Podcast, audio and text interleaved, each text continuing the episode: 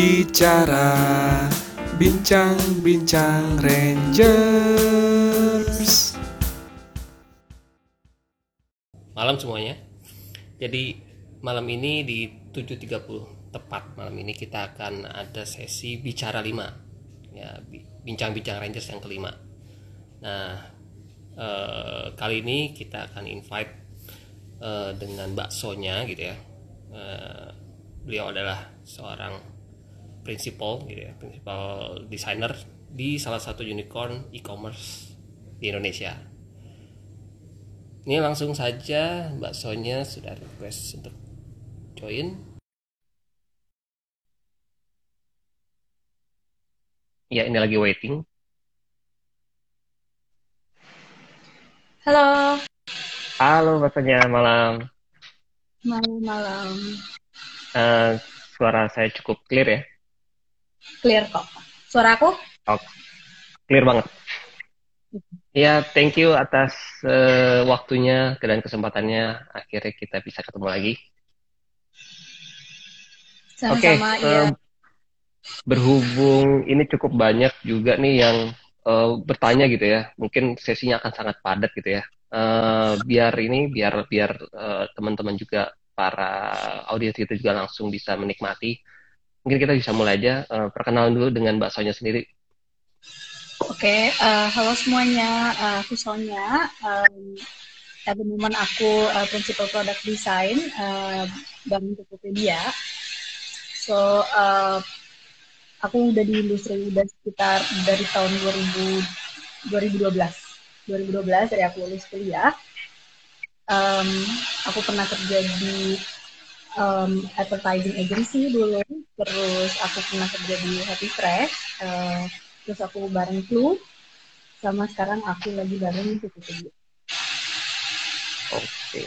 Dari kalau dari perjalanan karirnya cukup ini ya, sangat banyak malah bisa dibilang uh, dengan startup di Indonesia ya. Sudah sudah kayaknya sudah common sekali dengan startup di Indonesia gitu. Uh, udah common dengan produk iya uh, common dengan industri yang lain selain yang aku udah pegang ya belum sih cuma jadi masih uh, ya aku masih banyak belajar juga dari uh, teman-teman dari kayak uh, timku dari mentorku gitu, oke okay. ah ini kita uh, apa namanya mungkin langsung saja ke agen apa namanya materi atau temanya ya itu kan materi materi kan lebih ke problem, people sama produk ya. Nah itu kan kalau misalkan uh, saya pribadi ngeliat itu adalah tiga tiga apa ya tiga item, tiga materi, tiga scoop yang sangat luas ya, sangat luas banget. Iya. Mungkin kalau buat para apa namanya ini kita mestinya mulai dari mana gitu? Apa dari problem dulu, people dulu, produk dulu gitu ya? Kayak ayam dan telur, telur dan ayam yang mana dulu gitu. Nah uh, mungkin uh, saya pengen tahu harusnya tuh mulainya tuh kalau dari pengalaman ya pengalaman Mbak Sonya sendiri mulainya itu bagaimana gitu dengan menanggapi problem, people dan produk gitu. Oke, okay. seperti namanya kita biasa selalu mulai dari problem dulu. uh, okay. Jadi sebenarnya mungkin ini tuh uh, topik ini juga aku angkat dari uh, banyak pelajaran yang aku ambil dari uh, kerja bareng kayak uh, aku banyak punya mentis kayak gitu sama um, aku juga kerja sorry. baru gitu. Hmm, mereka halo? Halo maaf tadi sepertinya agak terputus atau gimana ya? Oh sorry. Bentar ya. Um, ya sekarang sih oke. Okay. nah sekarang oke. Okay. ya oke. okay. Itu sampai mana ya? Oke, okay, aku ulang aja, nggak butuh panjang Jadi uh, sebenarnya ini aku angkat topik ini aku angkat dari pelajaran yang aku udah tangkap dari uh, beberapa mentorku, juga beberapa mentorku, dan uh, aku kerja dengan beberapa tim dengan orang yang berbeda-beda di perusahaan yang berbeda-beda so far. Dan kesulitan mereka tuh commonnya itu ada di satu hal, yang mana mereka itu sulit untuk breakdown uh, their own questions. Jadi apa sih questions yang ada di pikiran mereka itu? Jadi mereka uh, mereka tuh sulit uh, sulit mengkajinya lah gitu. Saat mereka mau mulai sebuah project atau kayak mau mulai sesuatu yang baru atau kayak contohnya mau menjual idenya ke seseorang atau ke sebuah company lah atau mungkin ke atasan kita gitu. Uh, mereka sulit untuk breakdown ide mereka sendiri uh, untuk menjualnya ke orang lain seperti itu. Sebenarnya produk design itu uh, very simple. It's just problem solving that's all gitu. Mau apa pun orang bilang. Tapi itu tuh cuma satu itu problem solving.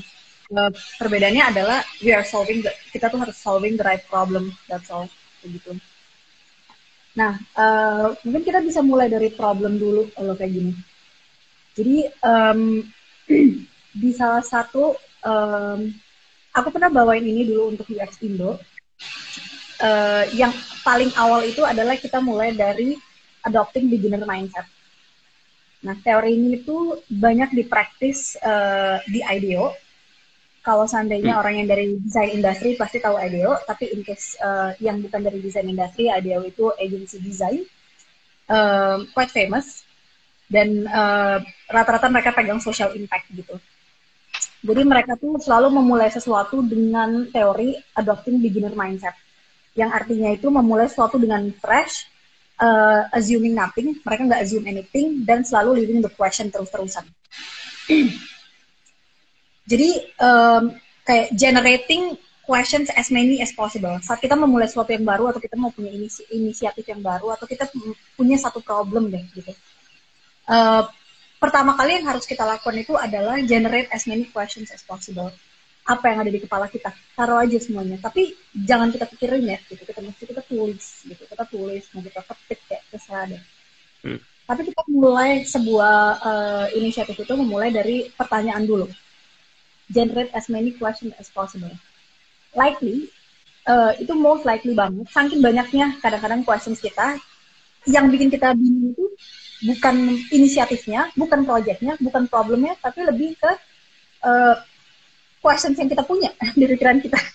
Akhirnya kayak uh, projectnya atau ide-nya tiba-tiba jadi berat banget. Kayak oke okay, ini terlalu kayaknya terlalu banyak atau terlalu berat. Jadi tiba-tiba jadi sulit banget itu. Padahal sebenarnya tidak sesulit itu. Tidak pernah sesulit itu gitu. Nah pertanyaan itu juga ada dua ya. Apalagi kalau kita pikir gitu kan kita pikir setiap hari kayak pengalamanku sendiri ada pertanyaan yang masuk akal ada pertanyaan yang nggak masuk akal gitu kan Nah, yeah, kita pertama kali itu kita harus bisa memisahkan dua hal ini gitu kayak pertanyaan apa yang masuk akal dan pertanyaan apa ini sebenarnya yang uh, tidak masuk akal. Pertanyaan itu bisa dimulai dari oke okay, uh, eh, contohnya uh, who I'll be working with, terus uh, siapa yang tahu topik ini better than me, terus siapa yang bakal pakai ini, atau mungkin siapa yang tidak akan pernah pakai ini. Hmm. Um, what kind of things, things that will satisfy them gitu.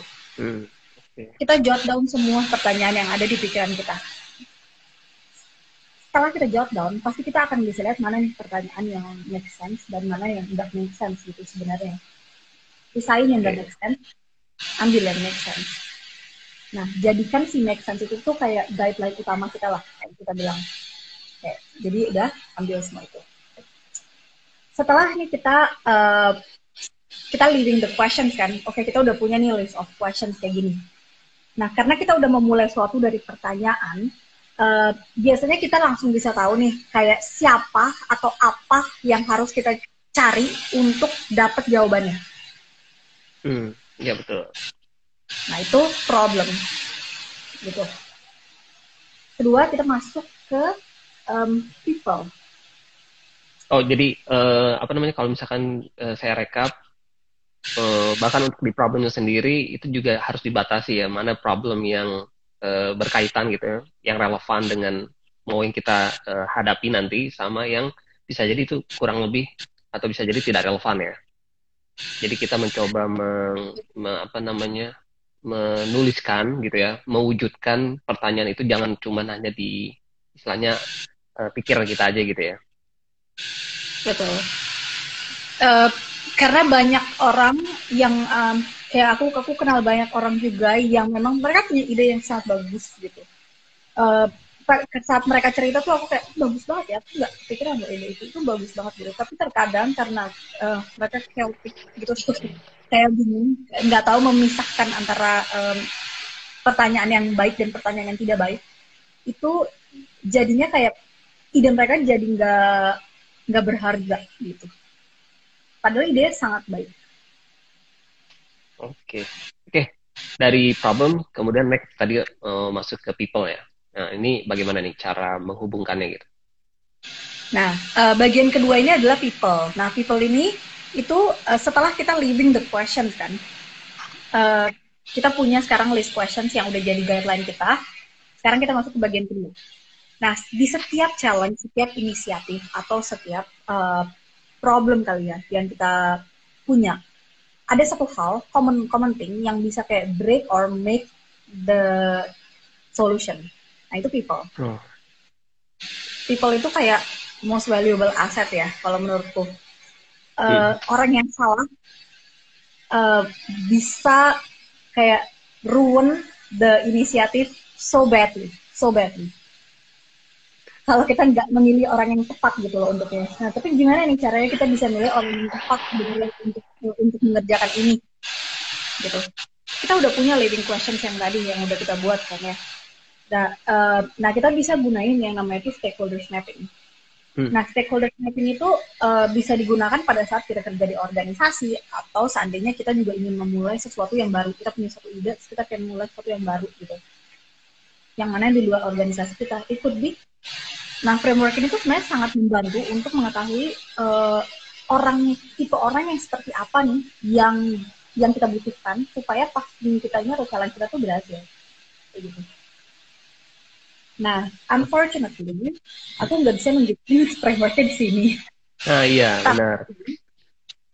Tapi um, kalau seandainya emang tertarik untuk lihat uh, framework ini, ini bisa ke juga untuk um, cari aja yang namanya itu stakeholders mapping. It's so simple.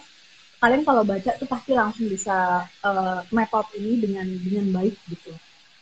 Stakeholders mapping ini tuh um, it's a very simple framework di mana kita menggunakan uh, living questions kita untuk cari oke okay, seandainya living questionnya um, siapa orang yang tahu ini better dan me Nah, kamu pasti bisa jawab gitu kan, siapa sih orang yang mengetahui ini? Atau siapa orang yang mungkin, uh, atau siapa sih user-user aku yang bakal pakai ini gitu.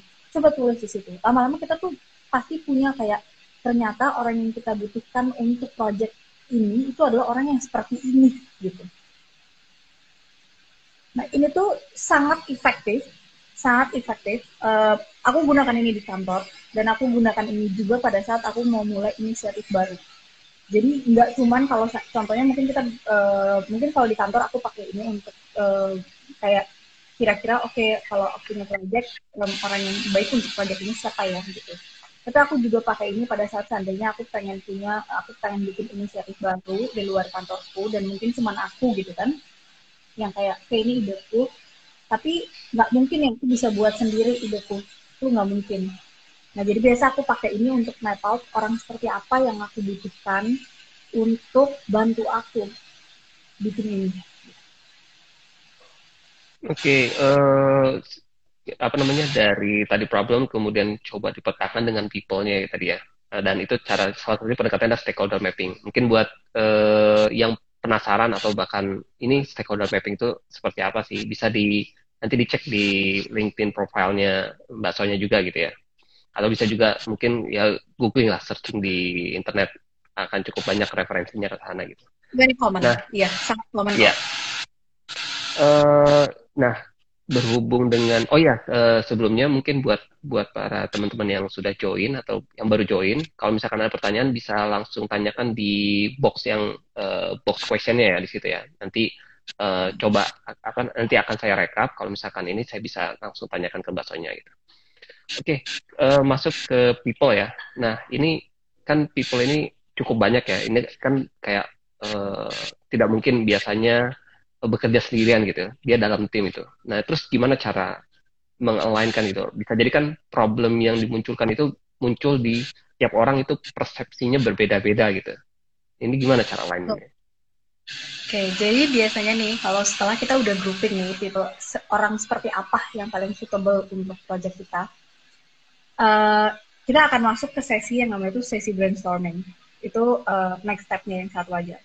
Biasanya memang kalau pas di kantor gitu, kalau uh, if time permits, dan memang kalau memang kita lagi uh, ideally gitu ya ideally kita selalu uh, usahakan gunakan co-design biasanya. Nah, yang belum tahu mungkin co-design itu apa? Uh, co-design itu seperti participatory design yang mana kita tuh uh, cari solusinya itu bersama-sama dengan stakeholdersnya yang terbaik yang tadi udah kita pilih di atas. Gitu. Nah sampai di sini tuh pasti sangat berasa kalau uh, betapa pentingnya pemilihan stakeholders mapping kita ya uh, di setiap challenge ini gitu sebenarnya. Karena uh, apalagi karena ini adalah kita membuat solusi yang bersama-sama gitu. Saat pemilihan dari stakeholders mapping kita itu salah, solusi yang kita dapat tuh salah pastinya. Dan uh, produk desain itu menjadi sesuatu yang kompleks tiba-tiba. Yang mana itu tidak sekompleks itu sebenarnya. Namun ya kalau memang uh, tapi kok desain itu adalah sesuatu yang besar gitu yang mungkin kalau pada saat kita di kantor kita punya banyak orang gitu di kantor kan. Yang mana kayak um, ya maksudnya lebih lebih gampang lah mungkin mencari orang-orang untuk yang satu tim sama kita atau yang mungkin yang mengerjakan proyeknya bareng-bareng kita.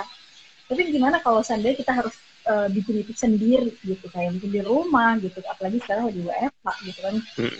Gimana kita harus bikin itu di rumah atau mungkin kita punya satu ide terus kita pengen pengen pengen co design gitu loh sebenarnya sama orang lain atau kayak gimana gitu kan.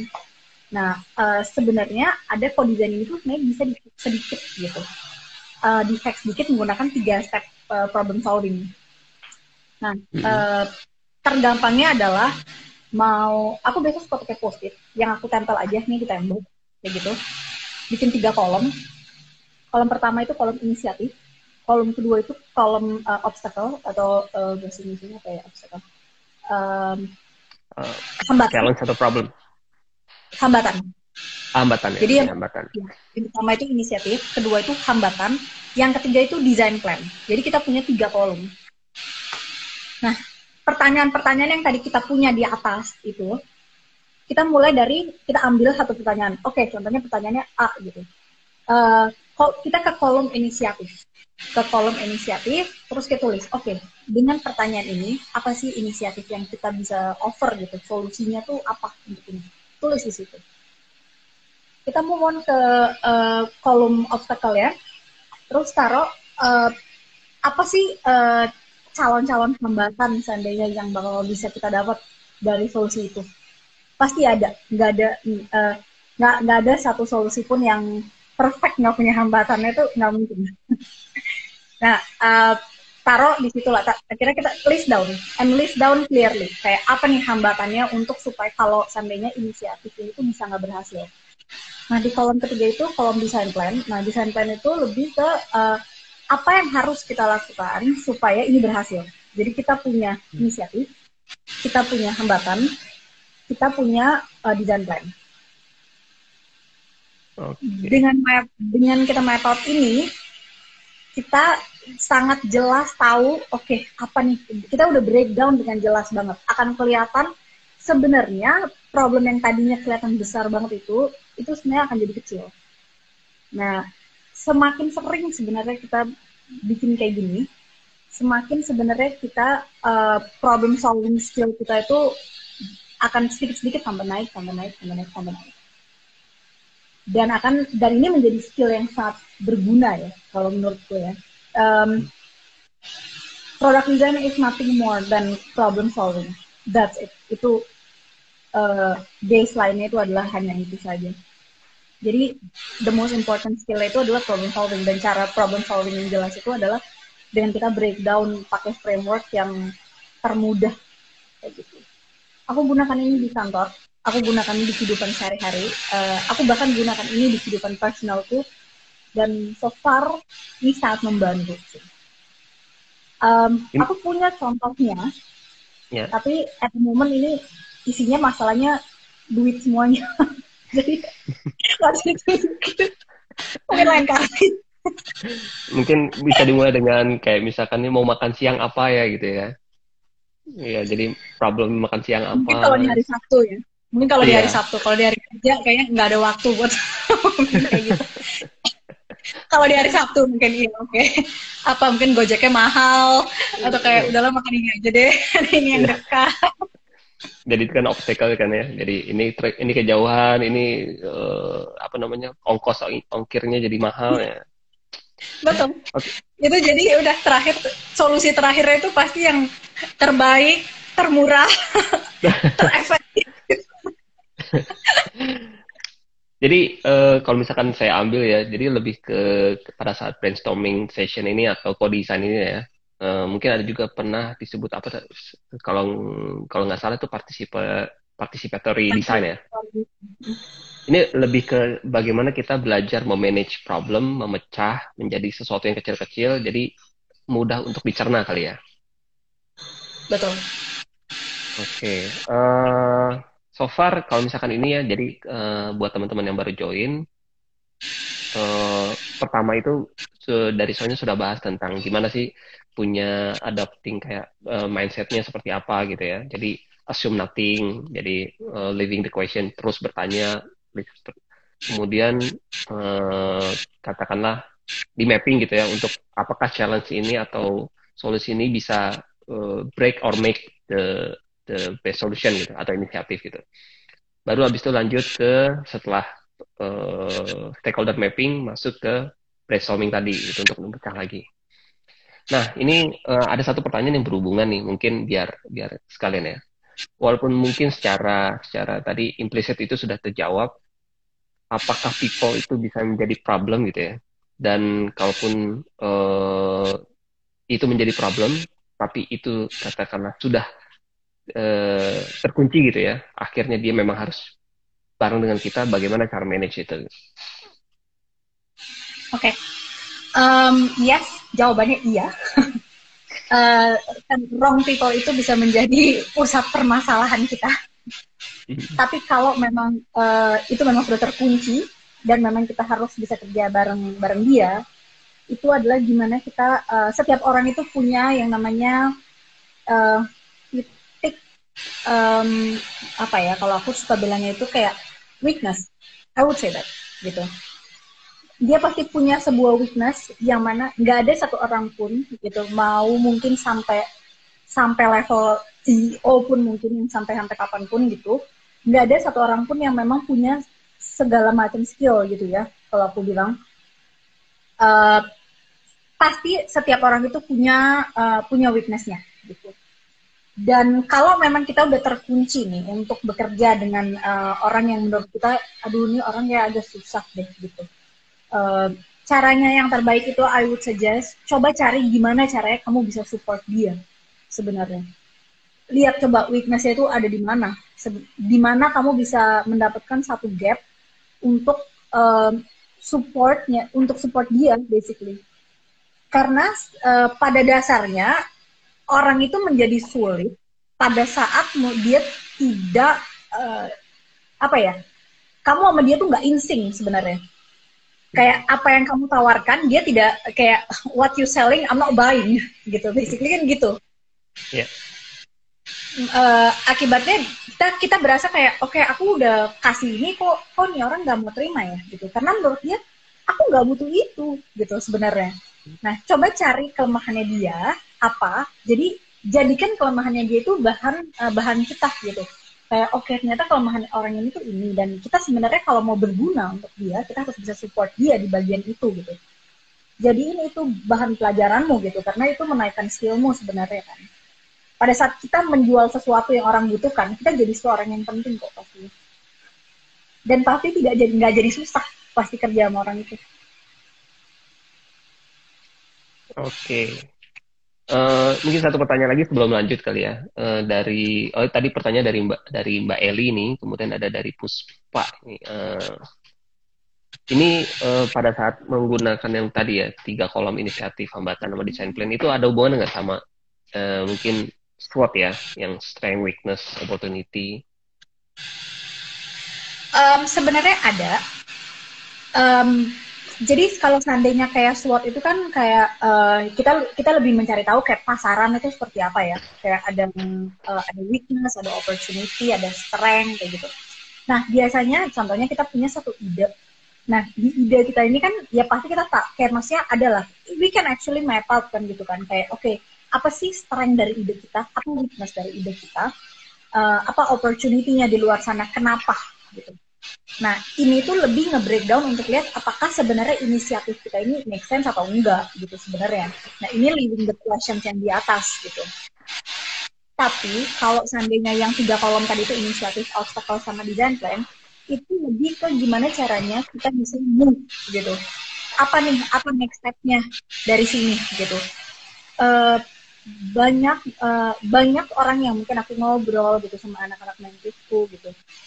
Uh, and I do learn this along the way juga gitu. Uh, dengan kayak struggling little bit here there here there, aku juga belajar ini along the way. Uh, kesulitannya itu adalah kita bingung mau uh, mau move-nya itu gimana gitu. Apa next step-nya itu apa setelah ini. Nah, ini tuh sebenarnya membantu aku untuk bikin next step-nya itu apa. Gitu. Oke, okay, uh, mungkin kita, kita bisa lanjut ya. Tadi uh, katakanlah sudah ada manage uh, dan di sana ada tim gitu ya. Nah, uh, ini mungkin ada hubungannya sama strength, strength weakness juga gitu ya. Ketika dalam satu tim itu ada yang orangnya itu jago banget gitu ya. Ada yang orangnya mungkin dia knowledge-nya tuh sangat luas gitu. Ada yang uh, mungkin dari satu orang sangat wise dengan segala experience-nya dia gitu. Nah ini uh, ini kan apa namanya ini kayak semacam dinamika ataupun uh, keberagaman dalam sebuah tim itu ya Nah, eh, kalau dari Mbak Sonya sendiri ya, ketika manage tim itu ya, apakah memang harusnya semua itu sifatnya yang semua harus jago dalam skillnya masing-masing atau yang penting ada satu orang yang jago aja cukup yang lain mensupport atau gimana? Um, Oke, okay, mungkin sebenarnya gini kali ya. Uh, ini ini masuk sebenarnya ke dalam hmm, ini ini mungkin relate banget dengan pertanyaan yang aku banyak uh, dapat uh, juga yang mana berhubungan dengan personal growth uh, dari setiap orang gitu. Pada saat aku ngobrol sama timku atau sama kayak uh, mentisku juga, um, and personally aku juga gitu. Karena setiap hari aku bangun aku kayak oke okay, apa what's new for me gitu kan? Apa nih personal growthku? Apa nih gitu. Saat wajar.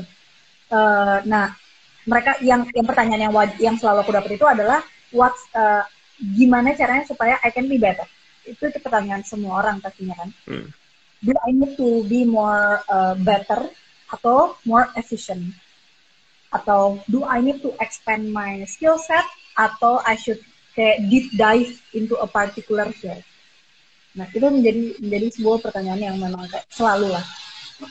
Pada saat kita kerja di tim gitu kan, ya, apalagi uh, kita akan ketemu orang yang kayaknya um, kayak jago banget kayak semuanya itu kayak kayak bisa atas dalam macam. Yes. Ada lagi ya kan kita mungkin kerja sama satu tim yang memang orangnya kayak ya slow aja gitu kan. Kayak slow aja kayak you know living the question kayak mungkin dia learning here dan learning here. Nah itu tidak ada yang salah juga sebenarnya dengan itu. Ya asal memang kayak dia juga ada kemauan buat personal growth ya. Gitu. Kalau nggak ada kayak ini gitu nah uh, tapi ini sangat kalau untuk produk design ya in, in khususnya mungkin ya um, a while ago mungkin sekitar almost a year ago ada lah gitu kayak setahun yang lalu ini aku pernah kayak stumble upon satu LinkedIn post yang menurutku kasih the wrong idea tentang uh, product design gitu. Di sini tuh mereka ngebahas tentang product design ladder. ladder. Mm-hmm. Uh, jadi kayak oke okay, uh, pertama kali kita kalau mulai product design itu uh, kita mulai dari mana dan kita harus end up-nya di mana gitu. Nah mereka mereka tuh bikin kayak jenjang karir gitu loh di situ. Yang mana di posting itu tuh mereka sebut oke okay, uh, eh, paling bawah itu ada UI designer, naik itu ada UX designer, naik lagi ada product designer, naik lagi ada principal product designer, habis itu kayak head of product design kayak gitulah. Mm -hmm. Uh, karena mindset yang seperti ini, akibatnya uh, semua orang yang ada di UI design itu mereka mulai kayak migrate pelan-pelan kayak oke okay, hmm. ini tuh jenjang mereka menganggap ini tuh kayak seperti jenjang karir ya mereka tuh hmm. migrate pelan kayak oke okay, dari UI kayaknya aku udah nggak bisa di UI lagi nih karena UI udah paling bawah nih gitu aku harus naik ke atas gitu ke UX abis dari UX aku kayak aku mau jadi product design mereka mau naik karena mereka mengikuti jenjang jenjang karir itu gitu kan. Dan sejujurnya untukku itu jenjang karir yang salah gitu loh. Hmm.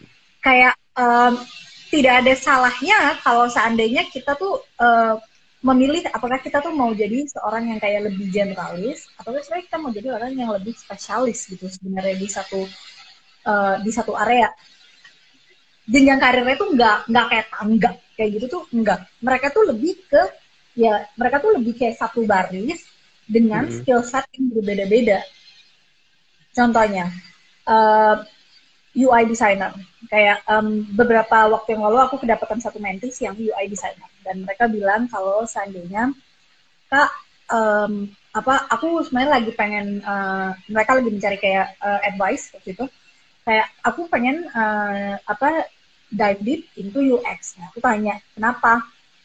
Terus uh, kenapa nih? Aku tanya gitu. Terus dia kayak bilang iya karena um, aku merasa karirku nggak berkembang berkembang nih kalau aku di UI terus gitu. Kayak aku nggak ideku nggak pernah didengar orang terus um, ya maksudnya aku nggak bisa naik gaji ya udah ya itu kan berhubungan kan tetap gitu loh semuanya gitu.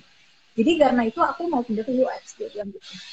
Terus kayak oke. okay, uh, pada dasarnya UI karena mereka melihat tuh kayak si UX itu problem solver gitu. Nah si UI itu juga sebenarnya problem solver tapi mereka tuh lebih solving problem yang kayak apa kayak kalau toko dia tuh menyelesaikan masalah yang di luar di luar toko gitu yang langsung orang masuk ke toko langsung lihat kayak ini barang-barang gitu tau kan yang kelihatan di mata UX itu menyelesaikan masalah yang tidak kelihatan di mata yang di belakang. Dia dia tuh kayak orang belakang gitu sebenarnya. Uh, terus dia nanya oke okay, menurut kakak uh, yang terbaik yang mana? Gitu. Nah sebenarnya nggak ada yang terbaik yang mana gitu. Nggak jawabannya itu nggak ada yang kayak apakah aku harus di uh, yang mana nih aku harus jadi generalis aja apa aku jadi spesialis aja gitu kan ya mana pun yang kamu pilih itu nggak ada masalah. Is as good as as both kenapa? Karena pada saat ini uh, kamu memang kamu tuh punya satu skill di mana contohnya skillmu tuh UI design gitu. Kamu udah di UI design udah lama apa segala macam gitu. UI design sendiri itu pun punya uh, punya jenjang karirnya sendiri. Yang namanya kayak jadi senior senior UI abis itu jadi principal UI abis itu ada lagi kayak gitu yang lainnya. Tapi karena kamu dalemin sesuatu dengan sangat uh, dalam kamu menjadi seorang spesialis gitu. Aku personally itu percaya dengan seorang spesialis. Aku nggak bilang generalis itu adalah orang yang maksudnya kayak salah dengan itu. No it's your choice. Tapi um, ini seperti ilmu ekonomi ya kayak menurutku ya kayak men mencari kerja itu seperti ilmu ekonomi semakin banyak uh, supply-nya uh, si pembeli atau yang yang hire itu akan semakin picky semakin picky semakin picky gitu kan mm -hmm. jadi kayak supply-nya itu jadi milih milih milih banget kayak gitu mm -hmm. Uh, dan semakin spesialis kita dengan sebuah uh, skill, semakin kita lebih diingat. Pada saat tadi contohnya tadi kita ngomongin di atas tentang uh, stakeholders mapping gitu kan. Hmm. Pada saat seseorang melakukan stakeholders mapping, when you're good oh, at iya, something, benar. kamu akan diingat pasti. Oh ya orang itu bagus ya dengan ini. Oke, okay, gitu. Kayak dia cocok untuk produk, dia cocok untuk bantu aku untuk kerja ini gitu a lot of your uh, project, a lot of your kayak mau itu dibilang uang sampingan lah atau uh, mungkin bisa jadi kayak your personal business gitu suatu hari nanti itu tidak terjadi di level generalis, itu terjadi di level spesialis. Nah, jadi mungkin kalau orang tanya sama aku, uh, menurutmu aku harus jadi generalis atau spesialis, aku akan bilang, well it's up to you, but aku selalu lebih percaya ke spesialis. Nah, gimana nih caranya supaya next question yang aku sering dapat juga adalah, oke, okay, aku tahu dari mana spesialis aku ada di mana. Yeah. Nah, itu itu so common. Jadi uh, karena aku banyak banget dapat pertanyaan itu, a while ago aku juga pernah bikin satu framework yang namanya itu assessment grid. Aku post itu juga di LinkedIn, and sadly aku nggak bisa tunjukin itu di sini, tapi kalau kamu ke LinkedIn itu, kamu bisa nyari uh, postingan yang namanya itu uh, assessment grid. Di situ itu basically assessment grid ini tuh bisa digunakan untuk self review Atau kalau di kantor aku pakainya itu uh, buat tim review ya kayak gitu untuk mengetahui tingkat knowledge dari seseorang di sebuah topik atau sebuah project atau di sebuah idea basically gitu. Apabila ternyata, nah di situ aku udah langsung taruh nih kayak ada matrix-matrixnya. All you have to do adalah ambil matrixnya, taruh di kolom yang sesuai. Kayak contohnya, hmm. kolom yang pertama itu adalah kolom yang generalis. Ini adalah kayak contohnya, um, contohnya kita ambil aja satu matrix yang namanya um, data uh, statistik. Itu aja, statistik seberapa dalam kamu kenal statistik? Do you know, do you have a lot of knowledge in it? Atau do you have less knowledge gitu? Atau ternyata kamu punya a lot of knowledge and a lot, you can talk a lot of topic gitu about it. Semakin kamu bisa ngomong tentang banyak topik tentang itu dan semakin kamu bisa, uh, kamu tuh tahu a lot of knowledge tentang itu, kamu akan menjadi semakin spesialis, semakin spesialis, semakin spesialis. Hmm Nah, apa nih gunanya pakai assessment grid ini? Assessment grid ini tuh sebenarnya seperti a slap in the face. Gitu. Kayak kayak kita tuh sadar oh ini sebenarnya kelemahannya kita gitu kan. Mm-hmm. Nah, ini tuh sebenarnya kayak a, a moving a moving grid gitu loh kalau aku bilangnya ya. Uh, ya benar, nentuinnya dengan sadar diri. dengan sadar diri, dengan uh, kita jujur dengan diri kita, aku tuh bagus di mana dan aku tuh jelek itu ada di mana. Masukin ke kolom itu. Pada saat kamu lihat nih sebenarnya jelek kamu tuh ada di kolom yang sebelah sini seandainya gitu kan. Oke okay, at least kamu tahu kayak kamu harus belajar apa gitu untuk uh, untuk memperbaiki diri untuk menjadi seorang yang mungkin spesialis di expertise itu gitu. Atau kalau seandainya kamu lihat oh, ternyata uh, ilmuku lumayan banyak gitu ya di di sini tuh di topik ini tuh ilmuku lumayan banyak uh, semakin kamu tahu kamu uh, you have a lot of knowledge in something, kamu akan semakin berani untuk speak up about it. Uh, kamu akan semakin berani juga untuk uh, say things about it, yang mana akan sangat membantu your personal growth. Semakin kamu sering keluarin idemu, semakin uh, uh, semakin personal growthmu tuh semakin baik.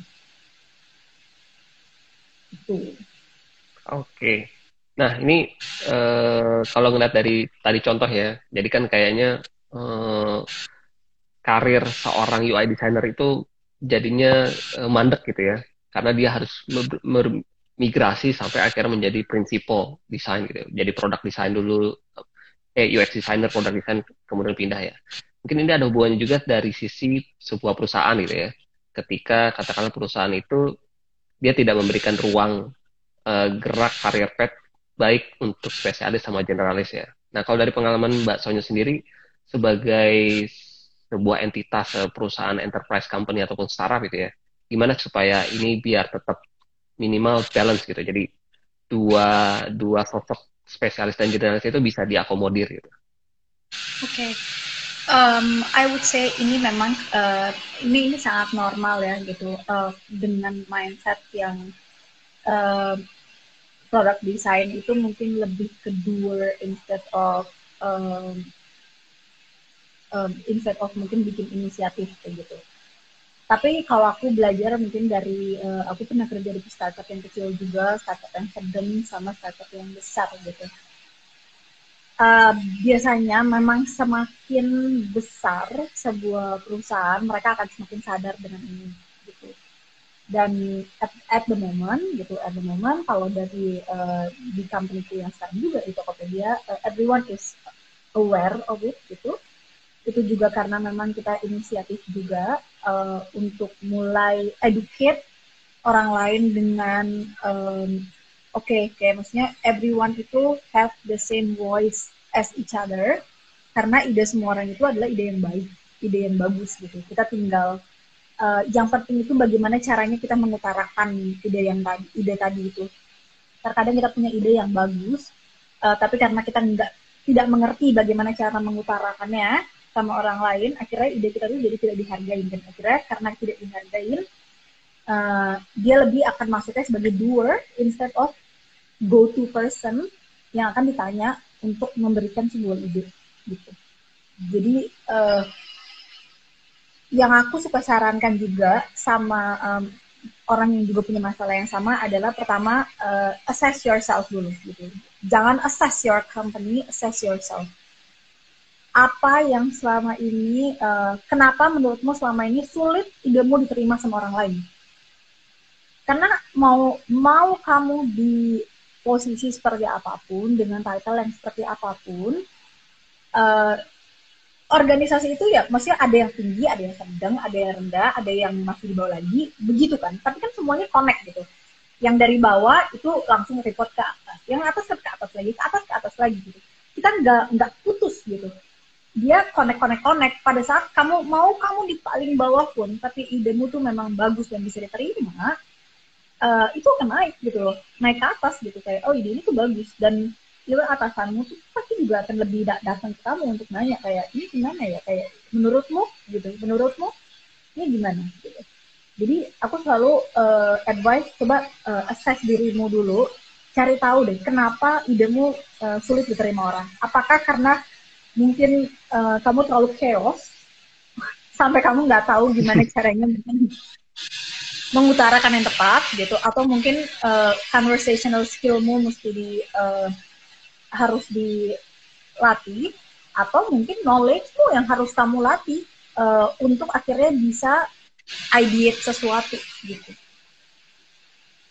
Oke, okay. uh, eh, ini ada hubungannya uh, ya sedikit ya, atau bisa jadi banyak ada hubungan cukup banyak juga. Jadi ada, ada pertanyaan dari Mas Putra kalau, nah ini uh, ketika dia mungkin ada self assessment, tapi ini juga uh, antara dirinya bisa jadi juga dengan orang lain. Gimana cara cara mencari masalah dari orang yang mungkin dia nggak ngerasa punya masalah gitu?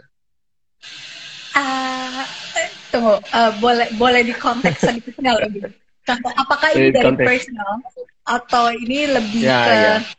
kamu mungkin mencari kalau misalkan mas konteksnya mungkin ke sebuah problem untuk uh, eh, lebih ke profesional atau produk kali ya, lebih ke sana kali ya. Jadi uh, kita mau cari sesuatu problem gitu ya yang dimiliki orang lain tapi orang lain tuh nggak ngerasa bahwa itu adalah problem gitu mungkin itu kali Oke, okay, um, kalau yang aku tangkap mungkin ada ada ada tiga kemungkinan. Yang pertama dia nggak tahu uh, kayak dia uh, mencari masalah di tempat yang nggak ada masalah. Yang pertama, yang kedua mungkin lebih ke mencari masalah dari orang yang sepertinya tidak punya masalah. uh, atau atau yang mana gitu kan. Tapi in any in any case apabila itu yang pertama atau di, apabila dia mencari masalah yang di tempat yang menurutnya tidak ada masalah well that's not possible menurutku. Karena hmm. uh, apabila memang kita relate ini ke produk ya gitu. Kalau kita relate ini ke produk setiap produk itu punya masalah ya. Nggak impossible. Sebuah produk itu perfect jadi nggak punya masalahnya itu ya nggak nggak mungkin gitu kan.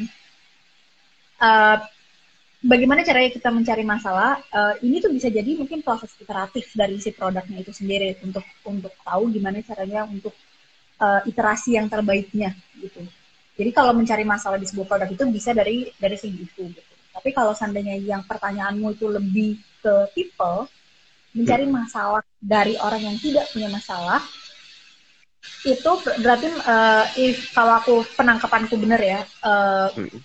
kamu uh, apakah kamu mencari kayak gap untuk support orang ini di mana dia kelihatannya tidak tidak butuh gap itu gitu hmm. uh, ini lebih yep. ke mengenali seseorang lebih lebih baik gitu kan uh, coba cari tahu mungkin ya mungkin kamu agak sulit mau mengetahui dia kayak personally atau apa gitu kan mungkin cari tahu dari dia punya uh, dia punya kolik atau dia punya kayak mungkin bekasinnya atau kayak dia punya uh, mungkin kayak maksudnya ya ya maksudnya kayak teman kantornya dia gitu loh kayak ya cari tahu dengan orang-orang di sekitarnya dia gitu. Sebenarnya bagaimana uh, cara dia tuh handle sebuah project atau bagaimana cara dia tuh bekerja kayak gitu.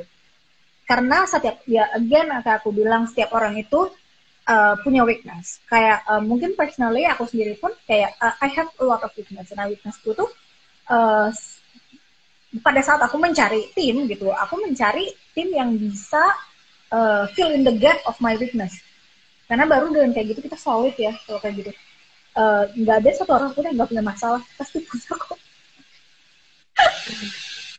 Benar-benar nah uh, ini saya lanjut lagi ada pertanyaan juga nih.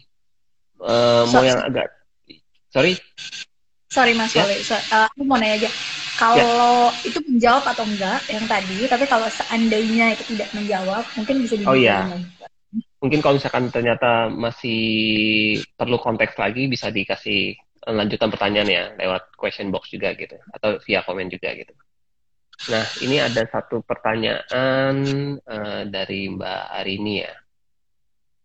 Pada saat create uh, sebuah produk gitu ya, atau mendesain sebuah produk, gimana supaya tetap punya stand out, standpoint yang kuat, tapi uh, mungkin lebih ke uh, proses ideal ininya kali ya, ideal secara pribadi personal, tapi juga tetap keep up sama tren yang ada gitu. Um, Oke. Okay. Um, standpoint yang kuat ini apakah uh, maksudnya kayak you have an idea terus mm -hmm. uh, kamu menukung ini idenya itu ide yang terbaik dan kamu mau fight for the idea tapi tetap bisa mengikuti apa yang ada di luar sana gitu apakah oh. itu apabila memang itu maksudnya uh, itu kembali lagi bagaimana cara kita komunikasi dengan teammate kita uh, untuk supaya ide kita itu bisa diterima pada saat kita punya sebuah standpoint yang kuat, standpoint kita itu berasal dari sebuah uh, whether you wanna call it uh, research, intuition atau experience kayak gitu, itu akan menjadi insight yang berharga buat orang lain. Nah, uh, communicate that uh, jual jual experience-mu, jual intuition-mu, jual um, apa ya, jual research-mu dengan cara yang terbaik sama uh, kepada orang yang perlu kamu jual ini gitu. Uh, karena tiga hal ini tuh uh, ini tuh kayak sebuah standpoint yang cukup kuat gitu menurutku. Dengar juga kayak apa nih, apa kata orang ini dan kenapa dia menolaknya.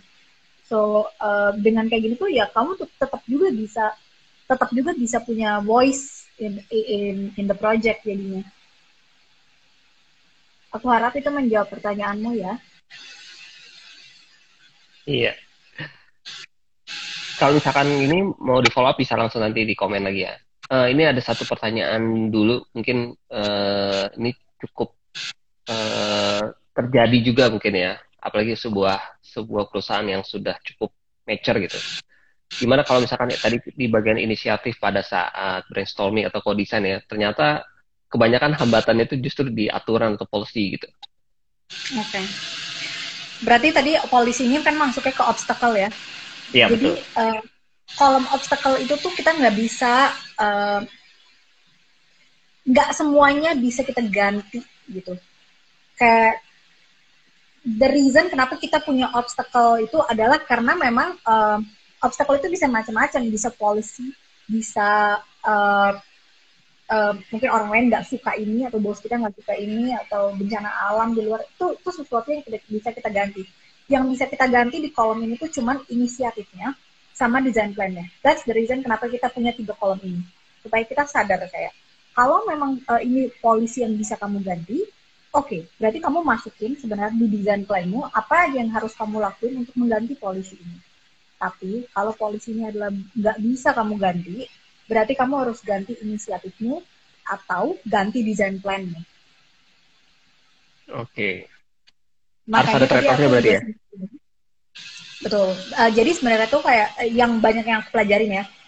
Uh, pada saat aku bikin inisiatif obstacle sama design plan, itu di awalnya biasanya kayak mungkin inisiatifnya tiga, terus kayak obstacle-nya lima, design plan-nya tuh biasanya banyak gitu. Kayak, oke aku pengen bikin ini, bikin ini, bikin ini. Tapi semakin berjalannya waktu, terkadang desain plan itu pun bisa jadi ada obstacle sendiri gitu kan. Akhirnya aku pindah oh ya oke okay, ini tuh pindah ke sini.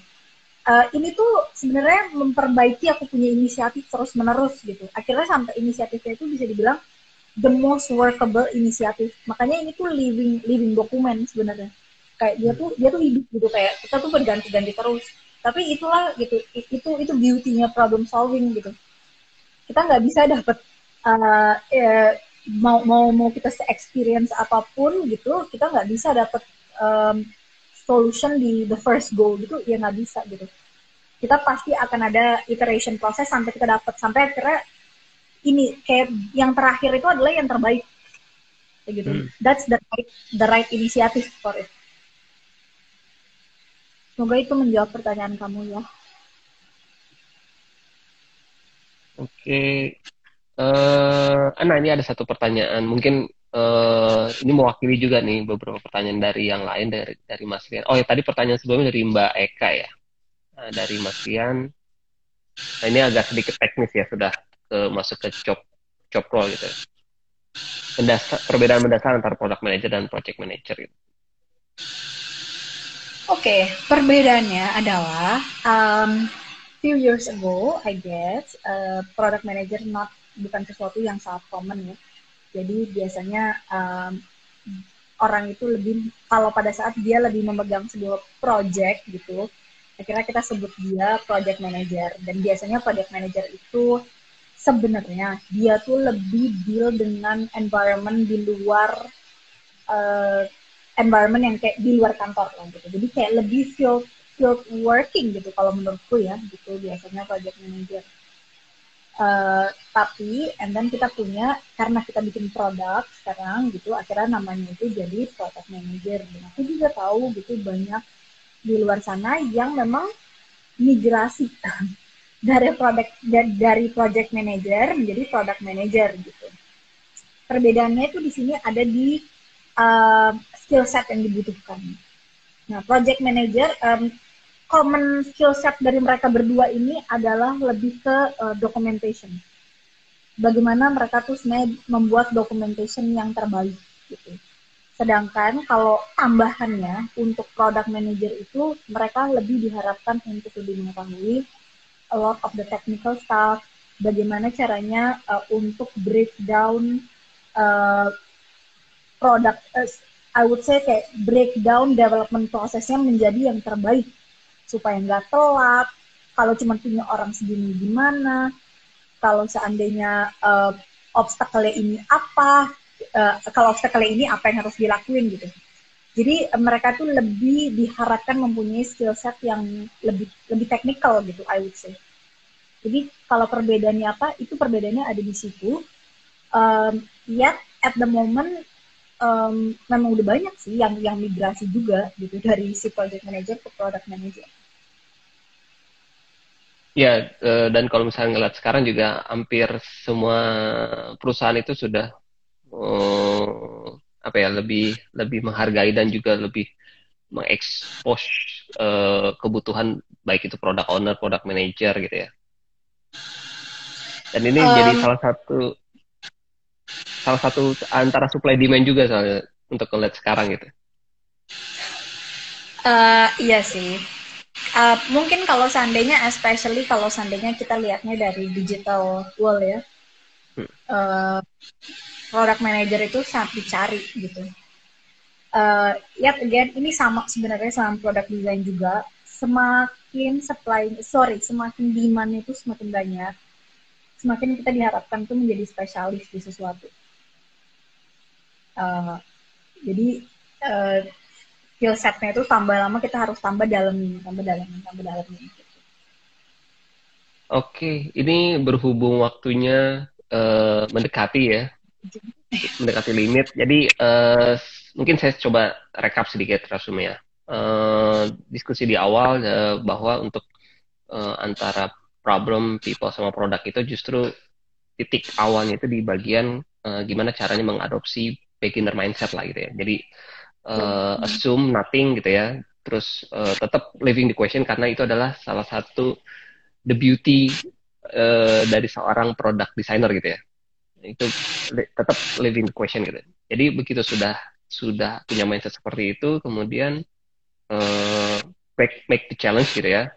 Dan itu caranya dengan stakeholder mapping, dipetakan dari problem-problem, kira-kira siapa yang relevan dengan problem tersebut gitu ya, yang punya expertise-nya. Kemudian kita masuk ke apa istilahnya brainstorming session gitu ya, co-design, dipecahkan problem yang besar tadi, dipecah kecil-kecil, inisiatifnya apa, obstacle hambatannya apa, kemudian ini plan untuk menjalankan itu seperti apa gitu, supaya ini berhasil, make it works gitu. Kira-kira itu atau ada yang mau ditambahkan sekalian uh, kasih tips feedback giving closing dari masanya? Um, sebenarnya itu uh, kalau mau uh, itu itu kayak ininya ya, itu kayak outline-nya itu seperti itu. cuman I know a lot of people is struggling with that uh, which is okay gitu. Karena kita kayak maksudnya it's it's a learning curve juga gitu buat semua orang. It was a learning curve for me too in my time. Um, sekarang aku punya masalah yang lebih lebih gede lagi gitu. Nah tapi tapi kalau seandainya memang uh, kalian yang ada di sini tuh mungkin butuh bantuan untuk menganalisa ini kayak mau menganalisa uh, skillku tuh yang terbaik itu ada di mana? Atau kayak uh, sebenarnya untuk kayak karirku tuh yang terbaik itu uh, apa yang harus aku lakukan dari skillku yang uh, aku yang yang aku punya sekarang? Itu uh, sebenarnya aku partner up sama Editylist uh, jadi kalau ke websitenya editylist.org atau design.org nah itu boleh dicek site-nya aku partner up sama mereka. Itu uh, aku kasih free mentorship untuk uh, bantu kamu uh, cari tahu skill terbaikmu itu bisa dipakai buat apa sebenarnya jadi uh, kalau memang kamu tertarik and you have a personal struggle di situ, uh, I'll be more than happy to help. Nah aku aku juga uh, handle ada beberapa orang juga gitu yang um, mungkin kalau seandainya memang pengen lihat um, apa ya, mungkin pengen lihat apa yang mereka udah achieve gitu, um, aku aku banyak posting juga di LinkedIn itu. Jadi boleh lihat ke sana. Oh iya, jadi uh, Mbak Sonya ini juga uh, menyediakan servis kayak mentoring one on one gitu ya. Uh, kalau nggak salah linknya ada di profile Instagram juga ya, di link tree, link tree-nya ya. Ada. Atau, ada. Jadi kalau misalkan buat teman-teman yang pengen apa namanya diskusi lebih lebih lanjut gitu ya, saya ini ada di mana, titiknya tepatnya di mana gitu, ada hasil assessment bisa dibantu dengan baksonya juga gitu. Oke, mungkin ada pesan pesan sebelum kita ini uh, waktunya sedikit lagi dari Mbak Sonya buat teman-teman semua yang ada di sini? Oh, mungkin pesannya cuman uh, bukan pesan sih, uh, take it easy. Itu aja. Itu take take it easy karena uh, sesuatu yang aku sangat uh, lihat uh, kalau yang orang suka sangat struggling ya, itu adalah mereka mereka struggling dengan diri mereka sendiri untuk uh, memak memaksa uh, menjadi sesuatu yang memang mungkin bukan skillnya mereka gitu. Uh, you don't have to gitu loh, karena uh, terkait skillmu itu uh, punya value tersendiri.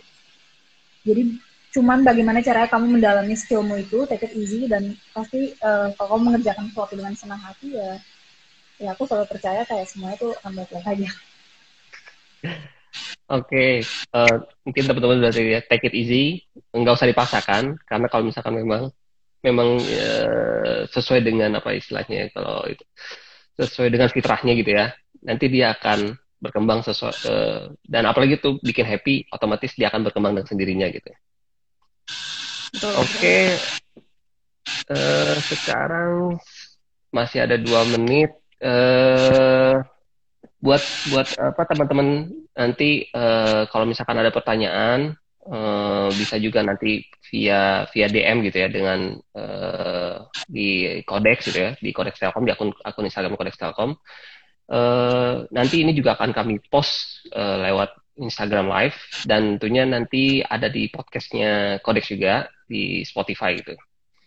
Buat Mbak thank you very much atas waktunya atas kesempatannya uh, sebenarnya topik ini sangat luas gitu ya karena makin ditanya makin dalam lagi gitu ya. Uh, mungkin nextnya kita bisa ketemu lagi kapan-kapan.